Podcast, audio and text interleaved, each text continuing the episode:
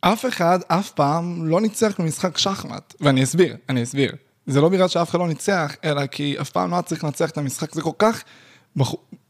ככה, שבחוקים של המשחק אין הגדרה למשהו נקרא בבסיס שלו הניצחון, לאכול את המלך. אף פעם לא אוכלים את המלך בשחמט. בחיים לא תראו בן אדם שאוכל את המלך. למה? כי פשוט אם המלך רואה, אם הבן אדם, היריב רואה ש... התור הבא, המלך שלו הולך להיאכל בוודאות, זאת אומרת, מאיימים על המלך שלו, ואם הוא בורח לכל מקום אפשרי, הוא יאכל, אז הוא לא יברח. הוא פשוט, השחקן השני יגיד, שחמט, ונגמר המשחק. זאת אומרת, המשחק של השחמט נגמר ברגע שהבן אדם רואה שהמלך שלו הולך להיאכל בעתיד.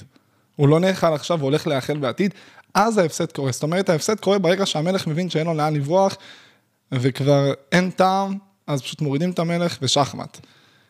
ודרך הדבר הספציפי הזה, דרך איך מנצחים בשחמט, אפשר ללמוד גם איך לנצח את החיים. ואני אסביר. ואני אסביר את הנוכלות גם. אני, כשאני עושה את הפודקאסט, אני מנסה להעביר את המהות של הפרק בדקה, כי אחרי זה אני לוקח את הדקה הזאת, או 50 שניות, ואני מעלה אותה לסטורי, ואז אני שולח לפה אנשים. אז אני עושה כזה איזה ספתח, שאחרי זה אני עושה קאט, ואז אני שולח.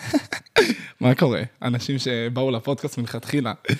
איי, איי, איי, איי. קיצור, יש את הקטע הזה בשחמט, אמיתי, כולכם בטח מכירים את זה, שכשמאיימים על המלך, אז הוא כזה, וואי, קוסמק, לאן אני בורח, ואז הוא צריך ללכת לאיזה מקום כדי שאי אפשר לאכול. זה מהלך לא חוקי, לברוח למקום שיאכלו אותך. יעני, שח זה אני מאוים, שחמט זה אני מאוים, ומאוים בכל מקום אפשרי, ואי אפשר לאכול את מי שאוכל אותי גם, יעני, אני הלך...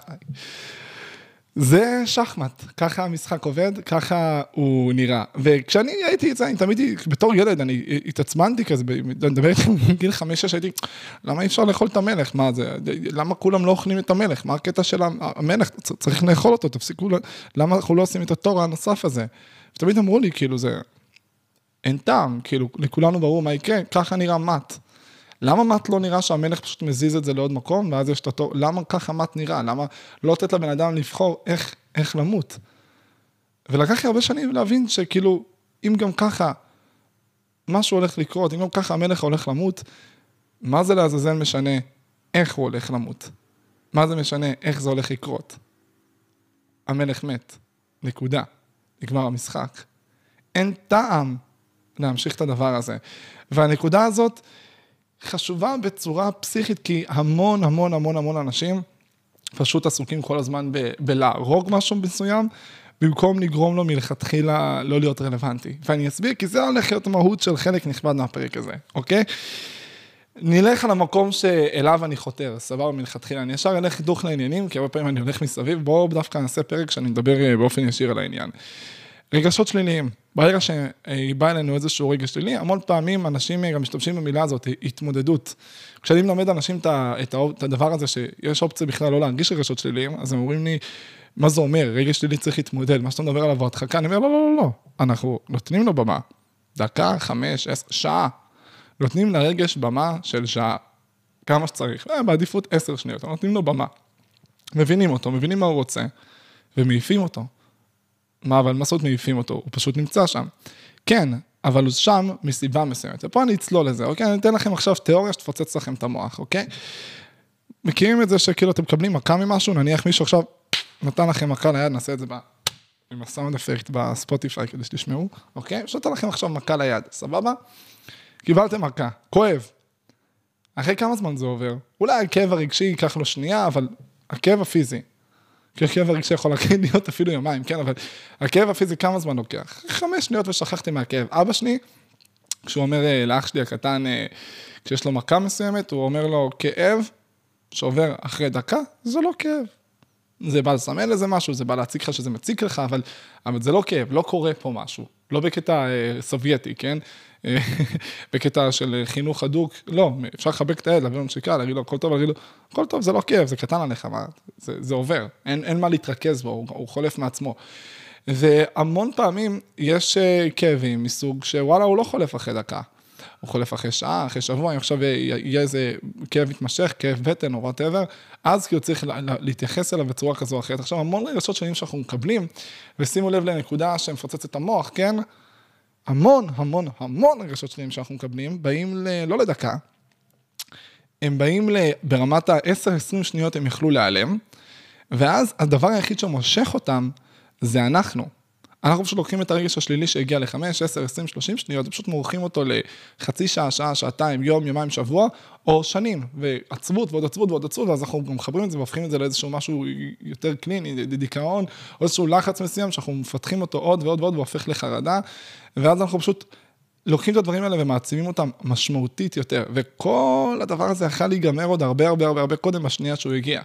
עכשיו בן אדם יגיד, אוקיי, אני כבר הגעתי למצב אחר, מה עושים? שתוק.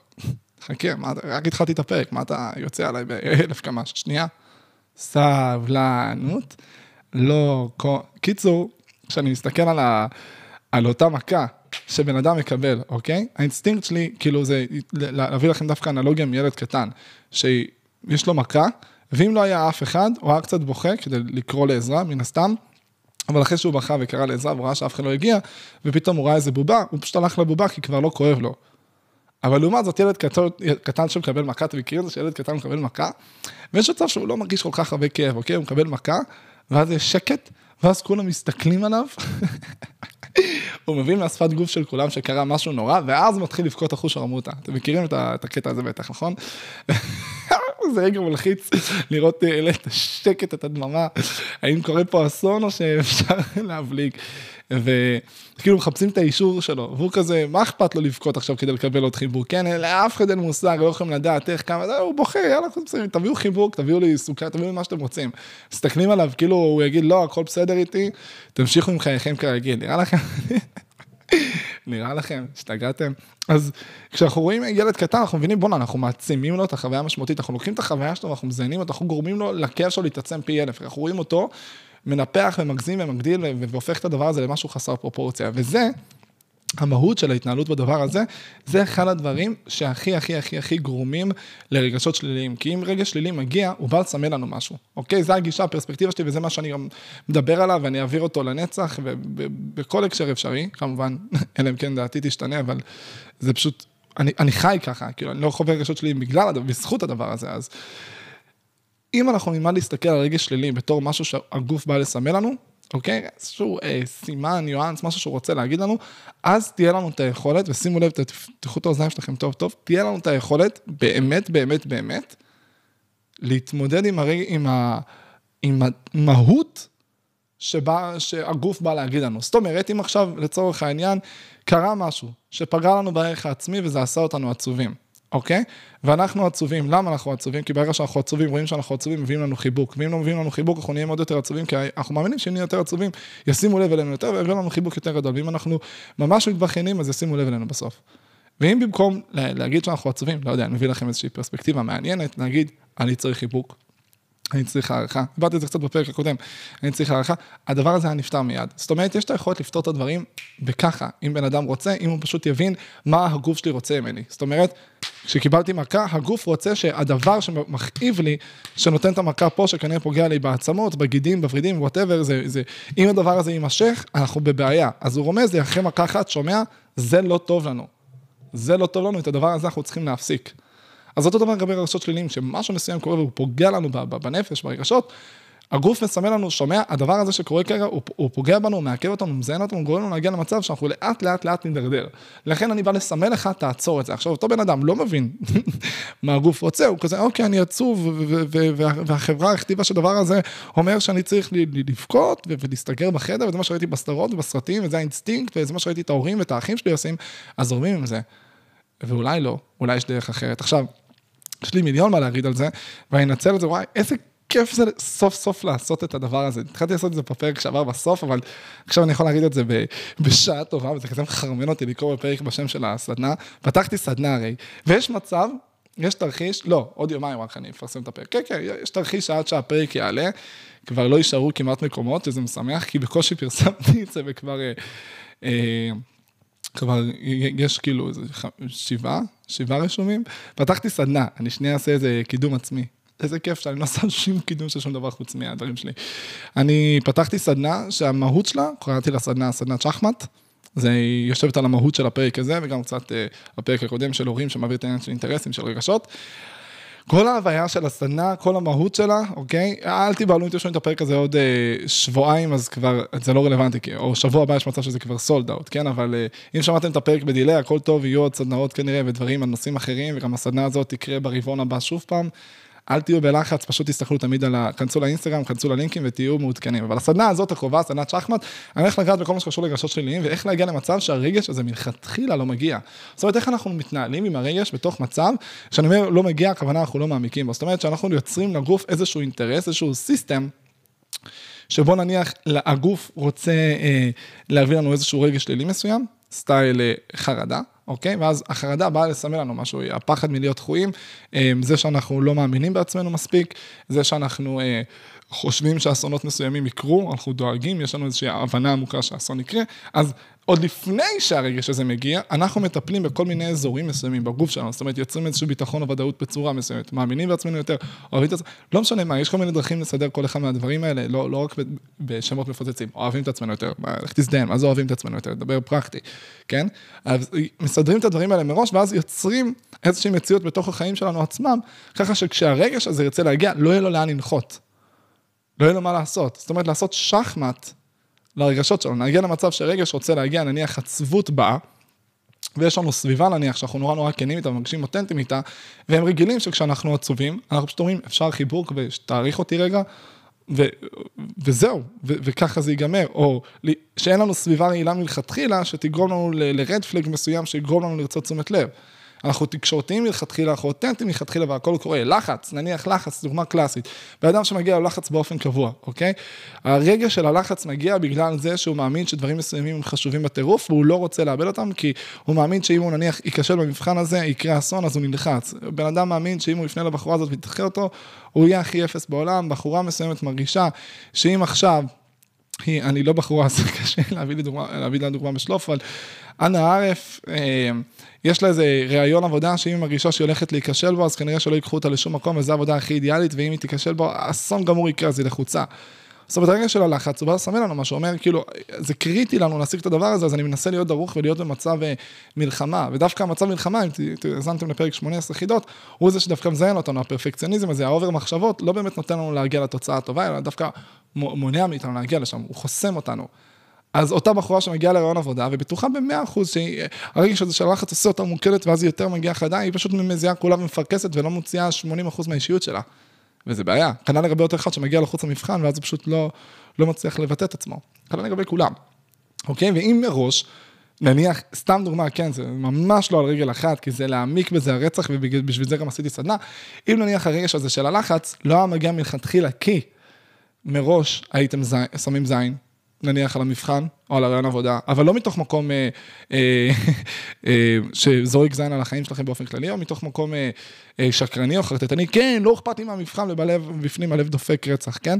אלא מתוך מקום פנימי, אמיתי, אותנטי, חזק, שאומר, שומע, וואלה, כשאני מתעמק בזה, באמת על הזין שלי, הכל טוב, מה יקרה אם אני אקשר למבחן? כאילו, להבין, כאילו, ממש לצלול, לא להגיד למה המבחן הזה חשוב, אלא למה המבחן הזה חשוב, אוקיי, מגניב, ולמה הסמסטר הזה חשוב, ולמה חשוב בכללי להצליח בתואר, ומה יקרה אם לא נצליח בתואר, ומה יקרה אם המבחן הזה ספציפית ניכשל, האם זה הגיוני? האם זה סביר? לצלול פנימה, אוקיי? יש ממש דרך להתנהל לי כל הדברים האלה, אז ברגע שלא יוצרים שום אינטרס ללחץ להגיע, זאת אומרת, אם מלכתחילה בן אדם נורא נורא נורא רגוע, וכל פשוט לבורש הדברים אין משמעות, ויש לו גם מנגנון שאם הוא שוכח מזה, שיזכיר לו את זה, הרגש לא יגיע מלכתחילה.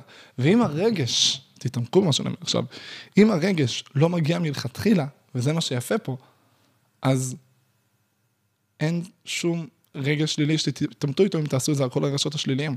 וזה שחמט. במקום לעשות שח לרגש ולהגיע למצב שהוא בורח פשוט לאזור אחר, זאת אומרת, להגיד, אהה, ראיתי אותך, אני מאיים עליך, זה לא להגיד, אני בא לרגש ואני פותר אותו באופן ישיר, אני פותר אותו, תוך כדי שגם יצרתי מרחב שבו אין לך לאן לברוח. ואז אין צורך אפילו להילחם ברגש, אין צורך להתמודד איתו, אין, זה לא שעכשיו הרץ מגיע למלך והוא והמלך מתקוטטים. כאילו אני משתמש במילה מתקוטטים ביום יום, על מי אני עובד? סבבה? על מי אני עובד, אוקיי? כאילו הרץ והמלך מתישהו ילכו מכות ביניהם, זה לא, זה לא קורה. זה לא קורה. אותו דבר ככה, גם אם הלחץ מגיע, זה לא שתילחמו בלחץ, אני לא לחוץ, לא, זה לא, זה לא יהיה ככה, בשום צורה. זה פשוט מלכתחילה להרוג את הסיטואציה שהוא בכלל מגיע. וזה כל הפרספקטיבה, זה המהות של העניין של הרגשות השליליים, וזה משהו סופר קריטי שאני מעביר אותו להמון אנשים ש... עברו תהליך מאוד מאוד מאוד קיצוני בדבר הזה, ברמה של אנשים שיכולים להיות במצבים ממש, מצבי קצה, סטייל אה, דיכאון, חרדות, אה, כל רגע שלילי שאתם מקבלים, הפרעות אכילה, גם זה יושב על משהו, על הרצון אה, לקבל אישורים, אהבה, הערכה, העוגנים מזה שהשגת הערכה בעקבות זה שירד קצת במשקל, או שראית מי שיורד, כמויות, כמויות של דברים שיושבים על הדבר הזה, כל רגע שלילי בעצם, פחות או יותר, או משהו שמאמלל אותנו, ואת הדבר הזה אפשר לפתור בצורה מוחלטת, בצורה מוחלטת, לכן החלטתי לעשות סדנה של שמונה שעות, איזה קיצוני אני, כן, יהיה, הפסקות וכאלה, אבל אה, סדנה של שמונה שעות, שבה בכל מיני דרכים אני הולך להעביר את הפרספקטיבה הזאת, זה יהיה כמו פודקאסט, אבל הרבה יותר מעמיק, פרקטי ונוגע בנקודות, וגם בשילוב של אינטראקציות, כאילו, ותגובות שלכם, כאילו, מי, ש, מי שיגיע. אה, ווואי, בכללי, אני עושה עכשיו סדנאות, כאילו זה אדיר, כל אה, שלושה שבועות, חודש תהיה סדנה, כל פעם בנושא או משהו אחר. זה יתחיל מהרגשות שליליים, כבר אה, אני יודע מה הסדנאות הבאות ואיך יהיה, אז מגניב, מלהיב ומרגש אותי לדבר על זה מראש. וואי, זה כזה כיף. אתם לא מבינים כמה המהות של כל העשייה זה לרצות להעביר את הפרספקטיבה הלאה. עכשיו, אני לא יכול להעביר את הפרספקטיבה באמת בפודקאסט של חצי שעה, שעה, של חצי שעה, של שעה, שעה ורבע וחצי. אוקיי? אני לא יכול להעביר את זה גם בסרטון של דקה וגם לא בסטורים. אני יכול להעביר נקודות, אני יכול להעביר כיוונים למחשבה, אני יכול לתת לכם משהו שיגרום לכם לשיח עם עצמכם, אבל כשאני רוצה להעביר נקודות לעומק, זאת אומרת להעביר בן אדם איזשהו תהליך עמוק שבו הוא ייפתח מהראש לחלוטין והוא יבין את כל הזוויות של הדבר הזה, אני צריך עם הבן אדם שעתיים, שלוש, ארבע, חמש, ולפעמים גם שש, שבע, שמונה שעות. אם אני רוצה להעביר את כל הנקודה של הרגשות שליליים ולהראות איך זה מתבטא בכל מיני דברים אחרים, ואחרי זה גם להביא לבן אדם איזשהו משהו שהוא ייקח עם עצמו, איזשהו חוברת או whatever, אני רוצה לעשות את זה, וזה תמיד היה החלום שלי, זה הדבר שאני רוצה לעשות, לעשות לאנשים כמה שיותר מאושרים. וזה יהיה גם בספרים ובסרטונים יותר ארוכים שאעשה, אבל בסוף, אם אני רוצה באמת להעביר בן אדם תהליך, זה לעומק ולשחרר לו את, את ה shit שלו ושהוא יצליח לחיות מבחינה רגשית כמוני, זה דרך אה, משהו שהוא ממושך יותר, משהו שהוא ממושך יותר, ש, שיש לי באמת ההזדמנות איתו. אז אה, זה מה שיהיה בסדנה. מלהיב אותי, אני אספר לכם קצת פרטים כאילו יבשים, מי שזה מעניין אותו, מי שלא, אל תריצו. אני עוד שנייה מסיים, חבל שתפספסו חומר קריטי בפרק הזה. הסדנה תהיה עבורכם, מי שמאזין לפרק הזה בדיוק ברגע שהוא יצא, עוד שבועיים, ב-21, אה, נכון? בפברואר? 21 בפברואר, כן. ביום שלישי, בין 10 בבוקר ל-6 בערב, בתל אביב, זה יהיה בסלון כנראה, בדיזינגוף סנטר. אה, יש לינק, מי שרוצה, תשלחו לי וואטסאפ, או כאילו, יש עמוד, לינק, איפה שהפודקאסט, לא משנה איפה אתם שומעים אותו, שם יש את הטלפון שלי. שזה 050-3800-558, או תשלחו לי הודעה באינסטגרם נעים רפאל. תכלס, אני איתכם, כן, אני רוצה, הסדנאות האלה, מבחינת שווי, אני הולך למכור אותם כנראה בעתיד באזור 2,500 שקל, משהו כזה למשתתף. אה, ובגלל שזה התחלה, ובגלל שכל מי שנמצא כאן זה הקהל הראשוני, מי שחווה אותי בחצי שנה האחרונה, ואני מביא לו את הפרספקטיבה והדברים, אמרתי, אני רוצה להתחיל ממשהו נגיש יותר, כי יש לי עניין להגיע לכולכם, גם אלה שמחיר זה משהו שיותר קשה להם. כל מי שפה בינתיים, כאילו, תדעו, הסדנה הקרובה, וואי, זה מצחיק, מישהו שומע את זה עוד חודשיים, שלושה, ויתבאס שיראה שהמחיר לאט לאט עלה. אבל הסדנה הזאת עולה 600 שקל, אני פשוט, כל, אה, כל סדנה אני פשוט אעלה עוד את המחיר. נניח סדנה הבאה כבר תהיה, נניח 800 או 1,000, וכל פעם זה יעלה ויעלה עד שזה יגיע פשוט למחיר יעד שלו. בינתיים נותן לכולכם, תהנו מה, מההפקרות הזאת, שזה עולה 600. אה, בלי קשר, אני, אני אעשה את ה disclaimer האחרון ומשם אני ממשיך בפרק. בלי קשר, אם יש לכם בעיות, קושי, דברים שאתם צריכים הדבר הכי קטן, ייעוצים, תשלחו לי הודעה, אני אעזור לכולם באהבה, בחינם, בלי שום דבר, בלי שום תמורה, רק שתהיו מאושרים. כפרה עליכם, רק שתשפרו את החיים שלכם ויהיה לכם באמת טוב. זו המטרה שלי בסופו של דבר, זו הסיבה שכל הפודקאסטים האלה תמיד יהיו באוויר, בחינם, בכיף, אני, אני פשוט באמת רוצה שיהיה לכם טוב. אז תשלחו לי הודעה אם יש לכם איזשהו קושי, התלבטות, התייעצות, משהו שאתם רוצים ממני, דברו איתי, תמיד, תמיד, תמיד. עזרתי לאיזה 300 אנשים בשבוע האחרון שפנו אליי, כי העליתי סרטונים, שמעתי, תפנו אליי, תפנו אליי, איזה 300 איש, אני לא מגזים, פנו אליי. ושחררתי לא הוא דבר ולא הוא דבר ולא זה ולא הוא הגשים חלום, כל, כל אחד והשיט שלו, דברו איתי. אני אשמח לעזור לכולכם. רק בסיטואציות קצה, שאתם מרגישים שזה ממש ממש נדרש, יש איזה שלוש הקצאות בחודש שאני נותן לי ייעוצים, שזה כאילו מפגש אישי איתי. זה גם, דברו איתי, 90 אחוז שאני אגיד לכם, זה לא רלוונטי, תשמרו את הכסף בכיס שלכם, חרם, חרם, חרם, אל תוציאו כסף על שטויות. זה לא שטות, פגישת ייעוץ איתי, אבל זה יהיה שטות אם אני יכול לפתור לכם את זה בכמה הודעות, או שתבואו לסדנה שתעלה פחות. חבל על הכסף שלכם. אה, וזהו, בואו נמשיך עם הפרק, אחרי שעשיתי את הפרסומת הכי ארוכה בתבל שהייתה אי פעם בפודקאסט, פרסומת מלמדת. אז כשבן אדם מתחיל לתפוס את החיים בצורה הזאת, שהוא רואה שכשמגיע רגש שלילי, במקום להילחם בו, כמו איזה fighter קיצוני, הוא פשוט מסתכל על זה בתור, רגע, רגע, רגע, רגע, hmm, אולי פשוט אני אצור לעצמי חיים שבהם זה לא מגיע מלכתחילה, הוא משנה גישה. הוא משנה גישה לא רק לגבי רשת, הוא משנה גישה לגבי הכל, ואני אסביר. אם נניח אנחנו רואים בן אדם, אני, אני אסביר כאילו אפילו את זה יותר לעומק, זה לא מתבטא רק ברגשות, זה מתבטא בכל מלחמה שלא תהיה. מלחמה, הדרך הכי הכי הכי הכי טובה לנצח בה, זה מלכתחילה שהיא לא מגיעה. כי מלחמה זה דבר מיותר, אם תתעמקו רגע במופשטות של מלחמה, מלחמה כמלחמה, לא מלחמה כעכשיו אכנס אה, לאנלוגיה, אפילו מלחמה ברמה המופשטת, אוקיי? 100 אלף חיילים מפה, 100 אלף חיילים מפה, שניהם רבים, 30 אלף חיילים מתו פה, 10,000 חיילים מתו פה, אין אבדה גדולה יותר מאבדה כנפש, אין, אי אפשר לשחזר את זה. זה כוח, אה, ברמת המדינה אפילו, זה כוח מדיני, זה עצבות, זה לשלם פיצויים למשפחות, ושזה זוועה שבאשכרה אנשים מתו סתם. אוקיי? זאת אומרת, הדרך הכי טובה לנצח מלחמה זה מלכתחילה להגיע למצב שלא יוצאים ממלחמה. מלחמה זה כמות אדירה של כסף, זה כמות אדירה של כוח אדם, זה מורל שנפגע, זה רמת עושר שנפגעת לאנשים. זאת אומרת, בכל סיטואציה שהיא, הרבה יותר משתלם לא להילחם. אוקיי? כשיש אה, מנהיג שהאגו שלו כל כך כל כך גדול, אז אצלו ספציפי, אולי הרצון שלו להילחם, להרגיש את התחושת ניצחון, אבל בסופו של דבר, לא משתלם להילחם. אם יש דרך לפתור דברים בצורה של, אה, של שלום, של פשטות, של כלילות, אם זה אפשרי. אם זה לא אפשרי, מן הסתם אנשים פונים למלחמה, אה, הגיוני, חצי הגיוני, אפשר לדבר על זה בעוד אלף פרקים, סבבה? אבל במהות עצמה, עדיף לא להילחם. אם מגיע רגש שלילי, האנרגיה שזה ידרוש מאיתנו כדי להילחם ברגש השלילי, תיקח מאיתנו כל כך הרבה משאבים, ואולי כדאי לבדוק אם יש דרך לעשות את זה בלי מלחמה. אוקיי, וזה לא רק עם הרגשות שליליים, זה לגבי הכל. זה לגבי הכל. כל דבר שדורש מאיתנו איזשהו מאמץ, קושי, כאילו, אני, אני ברגע שנפל לי האסימון בדבר הזה, איפשהו, לא יודע, לפני איזה עשור, אמרתי, רגע, אולי אפשר, תמיד, ואגב, כשמאזינים לפודקאסט, תמיד חפשו את זה, תחפשו איפה אפשר לשכפל עקרונות, איפה אפשר לקחת עיקרון ולעשות אותו במקומות אחרים. נניח העניין הזה של עכשיו לנצח רגשות שליליים, אין מצב שתשמעים כפול שתיים בקצב דיבור הזה, אין מצב. כולם בטח הורידו עכשיו את המהירות. תקשיבו. כל רגש, אה, אה, כל דבר כמעט שקורה בחיים שלכם, כמעט, כמעט, כמעט כל דבר, אפשר לשכפל אותו למקומות אחרים, אני אביא לכם דוגמה. עכשיו, אם אני נניח רוצה, כל דבר אפשר לעשות אותו בצורה לוחמנית ובצורה פשטנית. זאת אומרת, הצורה הלוחמנית כמעט תמיד לא תיקח מחשבון את האופציה לאגף את זה. זאת אומרת, להגיע למצב שפותרים את זה מראש, כמו שעשיתי עם המלך, כמו שאנחנו עושים עם הרגשות, כמו שאני הולך להעביר. אותו עיקרון כאן לגבי הכל. אפשר לקחת כל דבר שקיים בחיים שלנו, ופשוט מראש לאגף אותו וליצור סיטואציה מלכתחילה שמונעים מלחמה. ואני אסביר. זה לא אומר, אגב, שלא ליצור... אה, אה, אה, אני אביא לכם דוגמה, אוקיי? עכשיו, נניח הרבה אנשים פונים, אה, פונים אליי עם השאלה, כי אני אומר לאנשים הרבה פעמים להתרחק מאנשים רעילים. והרבה אנשים פונים אליי, אומרים לי, אבל יש לי אימא רעילה, יש לי אבא רעיל, יש לי אח רעיל, אה, חבר הכי טוב רעיל, השותף שלי, whatever, רעיל, פוגע בי, אני לא יכול להיות במחיצתו. ואז אומרים, איך אתה חושב שכדאי להתנהל איתו? מה להגיד לו? מה להגיד לו על הדברים האלה, ומה אומרים לעשות, לעשות את הדברים האלה. ואני אומר להם שכל מקרה, כל מקרה של רעילות, יש את אותו הפתרון. אם הבן אדם רעיל, יש את אותו עיקרון של פתרון. כמובן, כל, כל אדם הוא אחר והצורה תהיה שונה, אבל העיקרון אותו עיקרון. יש שני שלבים שצריך לעבור. שלב אחד, לאמת, להגיד לבן אדם, תשמע, אחת, שתיים, שלוש פוגע בי, זה מפריע לי כשאתה מתנהל ככה, זה עושה אותי פחות מאושר, וזה גורם לחיים שלי להיות אומללים. יש משהו שאני אעשה שפוגע לך באושר, שאולי אפשר לדבר עליו וליצור עליו איזושהי הבנה.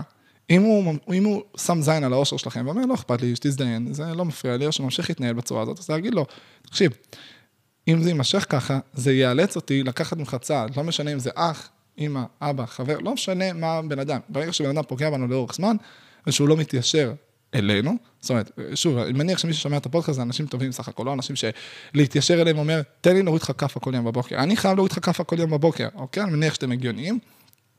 ברגע שזה החשיבה וזה ההתנהלות, אז אין שום בעיה, פשוט אומרים לבן אדם, תפעל ככה. ואז, שימו לב, חבריי היקרים, אם הבן אדם אומר, אני לא מוכן, לא מתאים, לא רלוונטי, לא כלום, ואתם אמרתם לבן אדם מראש, זה פוגע לי באושר, מה זה משנה מי, מי זה הבן אדם? מה זה משנה מה הוא נתן לכם בחיים? מה זה משנה מי הוא בשבילכם? גם אם זה עכשיו הבן אדם הכי קרוב אליכם, אמא, אבא, אח, לא משנה, שנתן לכם את החיים שלו, כל החיים עזר, עזר, עזר, עזר, ועכשיו יש נקודה שאתה אומר, שומע? זה פוגע לי באושר כשאתה פועל ככה. אני לא יכול שפוגעים לי באושר. הוא אומר, בהתנהגות שלו, על הזין שלי האושר שלך. לא אכפת לי האושר שלך, אני ממשיך. הבן אדם הזה לא מעוניין להשתנות, לא ישתנה, ההתנהגות תהיה אותו דבר, לא אכפת לו מכם, האושר שלכם על הזין שלו, ואז זה מביא אתכם לנקודה של אין לכם מה לעשות. חוץ משתי אופציות. אופציה אחת, מלחמה. לדעת איך להסתדר איתו בצורה מניפולטיבית, בצורה לא אותנטית, אה, בצורה של כזה לקחת אה, כזה חצי צעד ממנו ולדעת לתקשר איתו בצורה נכונה, להילחם איתו ולנצח בוויכוחים ולהרגיש משמעותיות ותחושת עוצמה מזה שניצחתם בוויכוח או בריב ולהרגיש חשובים. כל מיני רגשות שליליים שמביאים קצת אושר, זה רגש סיפוק שניצחתם מאיזה ריב או איזה whatever, סבבה, כל מיני רגשות שליליים גמורים עם איזה פסיק של רגש חיובי, או השלב השני האמיתי, מתוך שני השלבים, האחד זה להגיד לבן אדם, השלב השני, שזה האופציה האמיתית בעיניי, מהפרספקטיבה שלי, עם כל אדם רעיל, פשוט להתנתק ממנו, לחלוטין, להתרחק ממנו. עכשיו יהיה בן אדם שיגיד, מה, איך אני אתנתק? זה אימא שלי, זה אח שלי, תעברו דירה. בסדר, אבל אני לא יודע, לא, לא אדבר עם אמא שלי. לא, תעברו דירה ותדברו קצר.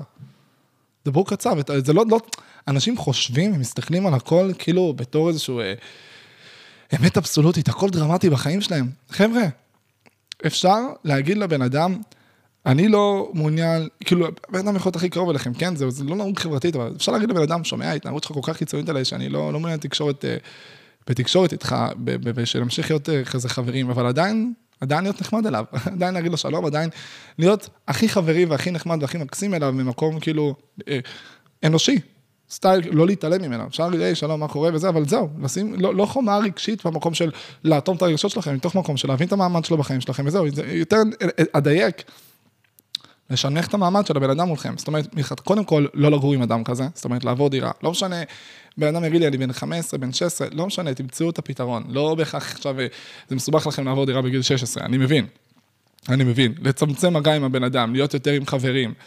אם יש דרך, אולי באמת, לא יודע, לאמת את הבן אדם עד לסיטואציית קצה שאתם רואים שהוא לא מבין, אולי באמת לעבור דירה, אני לא יודע. אני עברתי דירה בגיל 18, סבבה, רק בשנה האחרונה חזרתי לפה לשנה. בגיל 18 עזבתי את הבית, תכלס, בפועל, אם... אה, בגיל 16 כבר תכננתי את זה, וזה זה אפשר, זה אפשר, אפשר, כאילו, הכל אפשרי. הכל אפשר למצוא איזה דירות או מקומות או אזורים, או לעשות את זה עם כמה אנשים ש... הכל פתיר, זו הכוונה שלי. אני לא אומר, תברחו מהבית, אני אומר, הכל פתיר. כאילו, אין, אין דבר כזה שבן אדם שנכפה עליכם להיות איתו. גם אתם נשואים לבן אדם, אתם יכולים להתגרש. ההורה שלכם רעים לכם, אתם יכולים לעזוב את הבית. אח שלכם רעים לכם, סבבה, זה אח, מה קשור? אני אוהב אותך, אתה אח שלי, אני אדאג לך אם צריך, אבל לא על חשבוני. לא על חשבוני, מה האושר שלך לא חשוב לי, אז לא על חשבוני. וזה בדיוק אבל בדיוק העניין עם העניין של לאגף את זה, כי הרבה אנשים מגיעים לחשוב שאוקיי, הדרך הכי טובה זה להילחם, זה להילחם ולנצח, ודיברתי על זה בפרק של מלחמה הרבה, של כאילו הרבה אנשים רגילים כאילו למקום של להילחם, אה, להילחם ברע, ואני אומר, כשאני אומר כל הזמן תוסיפו טוב במקום להילחם ברע, זה בדיוק העניין הזה של להסתכל על המשבצת של ה... אם המלך צמוד לקיר, אז חמש, ואם הוא באמצע של השולחן, אז כל השמונה משבצות סביבו, אוקיי? ויש את המשבצת שלו, לדאוג על כל השמונה משבצות סביבו, להוסיף טוב, זה מבחינתי פשוט לאגף אותו מכל מקום אפשרי, להגיע למצב שהמלך לא יכול לזוז לשום כיוון, אין לו שום תרחיש, ואז פשוט, זה לא להילחם ברע, זה אפילו לא זה להתעמת עם הרע, ולרע אין יכולת לברוח. שחמט, ניצחתם, סיימתם, אין לו, אין לו לאן ללכת. סידרתם לעצמכם בית, סידרתם לעצמכם אושר, סידרתם לעצמכם סביבה, אתם בטוחים בעצמכם, אתם לא מעורערים, הכל טוב, נגיד לבן אדם, שלום, תודה על כל מה שנתת עד עכשיו, אני צריך space. לא בריב. לא, אני מנתק קשר, אל תדברו איתי יותר בחיים, אל תפנו אליי. למה? למה? כשבן אדם מתנהג בצורה הזאת, אגב, זה מראה שהוא לא עושה את זה גם במקום שלם. למה שתדברו לבן אדם ככה? מה אכפת לכם? מה אכפת לכם? דברו איתו מדי פעם, תענו לו, כי הכל טוב, אבל כל עוד הוא לא רעל קיצוני, שיעני כל שיחה מביאה את החלסטרה. וגם אם כן, אז פשוט, כששיחה כזאת קורית, פשוט נתקו. עכשיו זה נשמע, מה, נראה לך הגיוני, זה קיצוני, מה, איך אתה מתנהג לאנשים? לא, תפרידו. אם בן אדם טוב אליכם, תחזירו בטוב. אם בן אדם עושה משהו שהוא רעיל לכם, ואמרתם לו שהוא רעיל לכם, נגמר הסיפור. אנשים מתפלפים מזה, מה, אבל זה איקס, זה וואי. סתמו את הפה, נו, הבן אדם פגע בכם. אמרתם לו, זה פוגע לי באושר, מה... כמו יציאה מהארון. משגע אותי, משגע אותי. אני לא רוצה לפגוע בהורים שלי, אז אני לא רוצה לצאת מהארון. על מי אתה מזיין את השכל? מה זה אומר לו לפגוע בהורים? תתעמקו רגע מה שאני אומר עכשיו. אם לצאת, לא, להיות בארון זה סבל, נכון? יפה. להיות בארון זה סבל, משמע, אם בן אדם אה, עכשיו לא יוצא מהארון תקופה, האושר שלו נפגע משמעותית. כל הורה יודע שאם ילד נמצא בארון הוא סובל, אין מה לעשות, אוקיי? ואם הורה מסוים עכשיו יראה שהילד שלו יוצא מהארון בפניו, אוקיי? אומרת, שומע אבא, אני, אני גיי, לא יודע, זאת אני, אני לסבית, וואטאבר, כל מה שאתם רוצים, ואז אותו הורה אומר, כאילו בלב שלו, כאילו אומר כזה, מציג מציאות של למה, למה שיתפת אותי את זה, כאילו מבחינתי תשארי בארון, על הזין שלי לא יוצאים מהבית או whatever. זאת אומרת שלהורה לא אכפת מהאושר שלכם, אז למה לכם אכפת מהאושר שלו? אני לא מצליח להבין. מה זה, איך זה נקרא? אה, תסמונת סטוקהולם, שחות, שמתחברים לחוטף, עכשיו, אני לא אומר שההורים חוטפים, כאילו איזה roasting להורים פרק אחרי פרק, אבל כאילו במקום של אם ההורה אגרסיבי איתכם, ולא אוהב אתכם, ולא דואג לכם, ולא מקבל אתכם, ולא מאכיל, מכיל את מי שאתם, זאת אומרת, לא אכפת לו מהאושר שלכם, למה שלכם יהיה אכפת מהאושר שלו? אתם לא חייבים כלום לאף אחד, לא משנה כמה בן אדם דאג לכם. תזכרו תמיד, גם ההורים וגם האחים, כולם דואגים לכם אינטרס מסוים. יש לו לא את האינטרס של ההישרדותיות, שהוא ממשיך אתכם דרכו, ויש את האח שגדלתם איתו. אתם אוהבים את הבן אדם, הוא אוהב אתכם, אבל אם ברגע שבן אדם, לא אכפת לי מה הבן אדם נתן, לא משנה מה הבן אדם נתן לכם, לא משנה מה הבן אדם נתן לכם כל החיים האלו עד עכשיו. אם הבן אדם כרגע, ברגע זה, עושה משהו שפוגע לכם באושר, אני לא מדבר על uh, מבקש טובה, עזרה, כתף, שוב, תפרידו בין זה לבין משהו שבוודאות פוגע באושר, כנראה שלא אכפת לו מכם. כנראה שלא אכפת לו מכם לפחות מספיק או מהאושר שלכם. אם כן, אז יאללה זין, מה אתם uh, בכלל מתעכבים על זה? מפוצץ את המוח, אבל כן, זה נורא פשוט. וזה, יקיריי, עוד מילה שאני לא משתמש בה, הדרך להתמודד עם כל רגע שלילי או כל דבר שמגיע, פשוט לאגף אותו, מלכתחילה להראות לו, שומע, אין לך מה להופיע. אין לך מה להגיע לכאן, אתה מיותר, אתה לא רצוי, אתה לא אהוב. חבל שהגעת, אנחנו כולנו עצובים מהנוכחות שלך, אכזבת אותנו, והוא פשוט לא יגיע. והוא פשוט לא יגיע. וזה המהות מלכתחילה של הדבר הזה. ואפשר לעשות את זה עם עוד המון המון דברים, אם אנחנו עכשיו נסתכל נניח על דעות, פרספקטיבות, נניח כל מה שקשור לימנים שמאלנים, זה משהו שהוא נורא נורא קל לעשות את זה, שימו לב, כל אה, דעה פוליטית וכאלה. פעם ראיתם מישהו משנה דעה פוליטית בחייאת רבאק דרך דיון? וואו, פקחת לי את העיניים עכשיו אחרי שצרחנו אחד על השני שעה וחצי. פתאום השתחררתי לגמרי מכל מה שגורם לי להיות בדעה שלי, כמו אגו וכל דבר כזה או אחר שתעלו על הראש שלכם. נראה לכם. נראה לכם שזה מה שיגרום לבן אדם לשנות את הדעה שלו? אתם באמת, באמת, באמת חושבים, אתם יכולים לדמיין בן אדם, אוקיי, באמת בדיון, fuck, fuck, עד כה הצבעתי למרץ, ועכשיו הפכתי לליכודניק. ביבי המלך. אתם רואים בן אדם שעושה, באמת, לא ככה, לא ככה. אם רוצים לגרום לאנשים להבין דברים, אז דרך אה, צורה של אור. יש סיבה שבשנים האחרונות, הדעות הפוליטיות של אנשים, אני מדבר על אה, שנתיים, שלוש, ארבע האחרונות, לא על אה, עשור, עשרים שנה האחרונות, ששם הדעות הפוליטיות כן זזו ימינה. אני חושב שזה גם, גם מתוך מקום אה, מסוים של אנשים רואים דברים אחרת, וגם מתוך מקום של גידול אוכלוס, אוכלוסין, כאילו באזורים מסוימים, שילוב של שניהם. אבל בשנים האחרונות המצב הפוליטי נורא סטטי, אם תסתכלו נניח על המספרים, לא על אה, מספר המנדטים, אלא על מספר המצביעים, כאילו מבחינת החלוקה וההגדרה של כל אחד. בשנים האחרונות הוא נשאר נורא נורא נורא נורא סטטי. זאת אומרת, מי שבעד ביבי, בעד ביבי, מי שנגד ביבי, נגד ביבי, מי שבימין, ימין, מי ששמאל, שמאל. זאת אומרת, הם פחות או יותר באותם אזורים. עם אותם אמונות פחות או יותר, אותו vibe, לא, אתם לא תראו מפצים או שינויים גדולים, לא היו לפחות עד, עד כה שינויים או מפצים גדולים או קיצוניים שזרקו אנשים מעמדות חצי לעמדות חצי, מסיבה מאוד פשוטה. בשנים האחרונות, כל הזמן היה מערכות בחירות. ואז כל פעם, כל פעם היה התנגשות אה, בדעות, תמיד היה דיבור על פוליטיקה באוויר, בין אם זה כי הייתה מערכת בחירות, או בדיוק מקימים ממשלה, או מנסים להקים, או בדיוק קרה איזה משהו קיצוני, או whatever, בין אם זה ממשלה עכשיו שאנשים חווים אותה כקיצונית, ובין הממשלה הקודמת שאנשים חוו אותה גם כקיצונית, כל אחד והחוויה שלו. ואז זה תמיד גרם לאנשים לדבר על פוליטיקה, וכל אחד עם הדעה שלו, והוא מציג אותה, ואם בן אדם שנה, שנתיים לא ידבר על הדעה הפוליטית שלו, יש לו זמן ונחת לא לצעוק ולדבר ולהוציא את מישהו ומה חושב החוצה, ואז ואז יש את היכולת להקשיב. ואז את היכולת לשמוע, ויש את היכולת לדבר, ויש את היכולת, אה, נקרא לזה, לפעול אחרת. אני חושב שנניח, סתם, אני אביא לכם דוגמה הכי קלאסית, הכי הכי הכי הכי קלאסית. אה, אה, משהו שבמקום לקחת, נקרא לזה, דעה פוליטית, אוקיי, ולהשתמש בה, משהו שרק חצי מהאנשים יזדהו פה, בואו נלך על משהו שרוב מאזיני הפודקאסט יזדהו איתו. נניח ההסברה הישראלית, מישהו פה בהרמת יד חושב שהיא טובה. למה אתם מרימים יד באוטובוס? אולי תפסיקו עם זה, זה נורא מביך אותי, אוקיי? בן אדם שהוא ישראלי, יודע בוודאות של 100%, אוקיי? אני בטוח שכל ישראלי בליבו יודע שהסברה של ישראל בעולם היא זוועתית. יש סיבה מעבר לאנטישמיות, מעבר ל...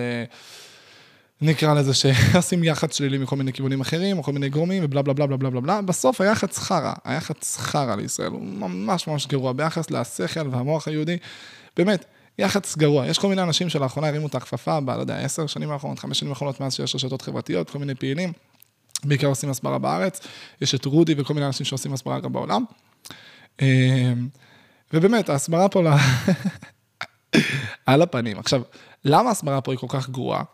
כי רוב האנשים לא מבינים את, ה, את הדרך הכי טובה, שוב, להעביר דברים ולאגף משהו. זאת אומרת, אנשים חושבים שאם הם עכשיו אה, ילכו לדעה של מישהו, זה עוד דרך להתנהל עם המלך אה, בשחמט.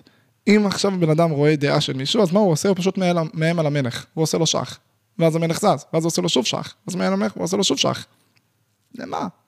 תיצור סיטואציה מראש, תוסיף טוב, תאגף אותו, ואז תפנה אליו באופן ישיר אחרי שכבר הגבת אותו, אני כבר אסביר מה זה אומר לאגף בתוך הסיטואציה הזאת, והוא בכלל, הוא לא יריב איתך.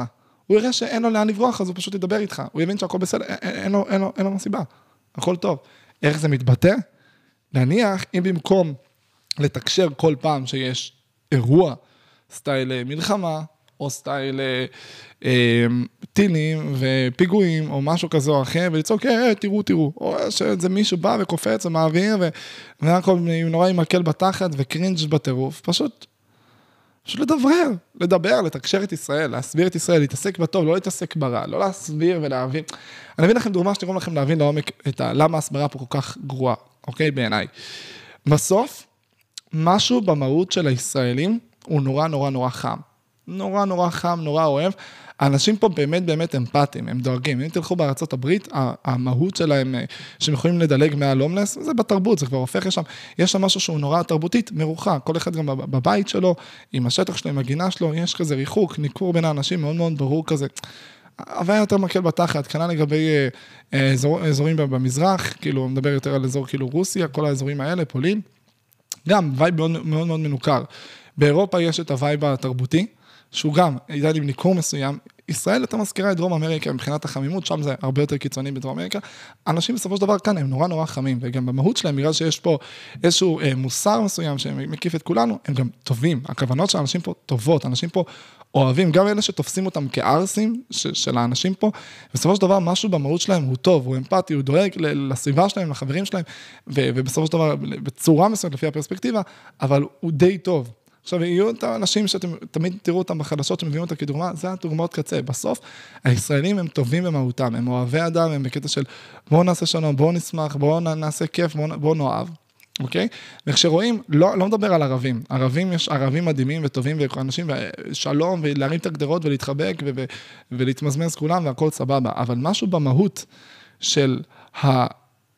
השיח בעולם הערבי יותר, לא בעולם הערבי, אפילו יותר בהנהגה בעולם הערבי, כל כך כל כך קיצוני, שפשוט לא צריך להתעסק בלהציג אותו. לא צריך להתעסק בלתקשר אותו או לדברר אותו, אפילו לא צריך להציג אותו. פשוט ברגע שאתה מציג את עצמך ורואים את האישיות שלך, אף אחד, אבל אף אחד לא יאמין לצד השני. אף אחד לא יאמין להסברה המעוותת שעושים בצד השני, אם אתה פשוט מתקשר את עצמך בכנות ורואים איזה טוב אתה. אם רואים איזה אדם, אם עכשיו בחייאת רבאק, אתם רואים את התלמיד הכי טוב בכיתה, מקסים, לב זהב, תמיד עוזר, תמיד נחמד, תמיד כיפי, אוקיי? ואתם רואים מישהו מוריד לו כאפה. אוקיי, ואתם מבינים שהמהות של הבן אדם הזה זה שהוא טוב, טוב טהור, ומבינים את הכוונות שלו ומי הוא ומה הוא ואיך הוא. רואים מישהו מוריד לו כאפה, יעלה בדעתכם שהוריד לו כאפה קודם לארס של הכיתה, או שהארס של הכיתה סתם לכיף הוריד לו כאפה? סביר להניח שאתם מאמינים לילד הטוב בלי אפילו לשאול את הדעה שלו, כי אתם כל כך סומכים עליו. מספיק שהייתם אומרים, רק מצביעים ואומרים, יש לו קטע, הוא ארס כזה. אבל לדבר, לתקשר. עכשיו, אני לא אומר שזה, אני אפילו לא מדבר על האמת, אני אפילו לא מדבר אפילו על, ה, על אה, קווי 67, או מה המהות, או מי צודק, או מה, מה זה אומר התנגדות ומחבלים והמטרה. לא מעניין, על הזין שלי, זה בדיוק הקרקע שרוב האנשים מתעסקים בו, זה לא מעניין בשיט. לא מעניין בשיט. אם רואים אומה, עם, שבהוויה שלו נורא חמה, נורא טובה, נורא טובה, רוצה לדאוג לעולם, תמיד אמפתית ואכפתית, ויש בה משהו נורא נורא רגיש ואוהב, ועם לב פתוח, ואנשים באמת באמת רואים, למה, למה תיירים כשהם מגיעים לארץ הם נורא נורא נורא נורא תומכים בסוף? כי אז הם רואים את האנשים, הם רואים איזה טובים, איזה טהורים, איזה חמימים ואיזה נוחים הם, ואז פשוט זה כל כך, כל כך, כל כך, כל כך קל להבין ש, אה, that person wasn't, wasn't the army? כאילו, הוא היה בצבא? הוא ספציפית? מה? הוא לא ישתתף במשהו כזה קיצוני. גם הוא לא ישתתף במשהו כזה קיצוני, הוא גם לא ישתתף במשהו כזה קיצוני, ואז יהיה את ההבנה, ההבנה, כשאתה מסתכל על משהו כמובן מאליו, נניח, כמו שאימא מכירה את הילד שלה, ואז שיש איזו סיטואציה שמאשימים אותו במשהו קיצוני, היא קודם כל תגיד, אה, זה לא יוסי. אז זה הוויה שלא נותנים לעולם להבין מה זה ישראלים, מה המהות של להיות ישראלי, מה זה החמימות הזאת, הטוב לב, הטוהר, ה vibe הבאמת חם, אכפתי, רגיש, אוהב, המוסר שיש פה להמון המון אנשים שהוא בצורה כל כך הרבה יותר קיצונית מהרבה אזורים אחרים, גם אם יש פה קצוות, גם אם יש פה קצוות. כל הדברים הטובים שאפשר לקדם ולהעביר הלאה במדינה, שגרמו לאנשים להתחבר לישראלי, לאדם הישראלי, פשוט לא עוברים. ואז אם העולם היה מכיר את הישראלי, את האדם הזה, היה להם כל כך הרבה יותר קל להגיד, קודם כל, ושימו לב, בגלל שהגפתם את כל המסביב של המלך, הוא אומר, אוקיי, קודם כל בואו נקשיב. ואז פעם ראשונה היו מקשיבים לישראלים. כי עכשיו אף אחד לא מקשיב, לזין של כולם, למי אכפת? הם עם דעה כל כך, כל כך, כל כך אה, מקובעת, כל כך קיבעו אותם על איזושהי פרספקטיבה שפשוט, הם לא, לא אכפת להם. הם רואים אותנו בתור איזשהו משהו אה, שלילי שפוגע ומשמיד וחוסם ועוצר. וזה משהו שהוא כל כך, כל כך, כל כך ליבתי. בהתנהלות של בני אדם באופן כללי, שזה לא מפתיע למה ישראלים מתנהגים ככה, כי זה פשוט התנהלות באופן כללי של בני אדם, וככה העולם מפסיד. כי אתה חושב שישראל זו המדינה היחידה שעושים לה עוול? יש עוד מדינות שעושים להן עוול, ויש לא מדינות, לאומים או עמים או קבוצות או אנשים, לכולם יש עוול. אני בטוח שגם ל, ל, במידה מסוימת, חלק מהערבים הישראלים, מה זה חלק? הערבים ישראלים בוודאות אוכלים פה עוול. כי אם אנשים נניח היו מבינים לעומק מי הערבים הישראלים בארץ, סטייל הערבים כאילו שבאמת משתלבים פה, בוודאות כל ימני היה הרבה יותר רגיש לסיטואציה ומחפש איך לתקשר. ושוב, כל הדברים פה על הזין שלי דעה פוליטית, באמת, חרבן על הכל, זה מה זה לא מעניין. משתמשים בזה יותר כדי אה, להשיג קולות, וכזה, שימו בצד את הדעות הפוליטיות, זה לא מעניין. אם הייתם רואים ערבים ישראלים ומתקשרים איתם ורואים כמה הם אנשים טובים ואכפתים ודואגים, ושכל העניין הזה של הלאום על הזין שלהם מבחינתם להרים את הגדל ולא אכפת להם אה, שתחפושת עכשיו, ובאמת רגישים ואוהבים, נראה לכם שלמישהו באמת הייתה, היה את הרצון אה, להגיד, אה, שכולם ילכו, שכולם לא. אנשים. אנשים, להתעסק באנשים, וזה מה שכולם טועים בו בהתנהלות של ההסברה. וזה למה כולם טועים גם בהתנהלות של, של העולם, של עמים ושל עמים.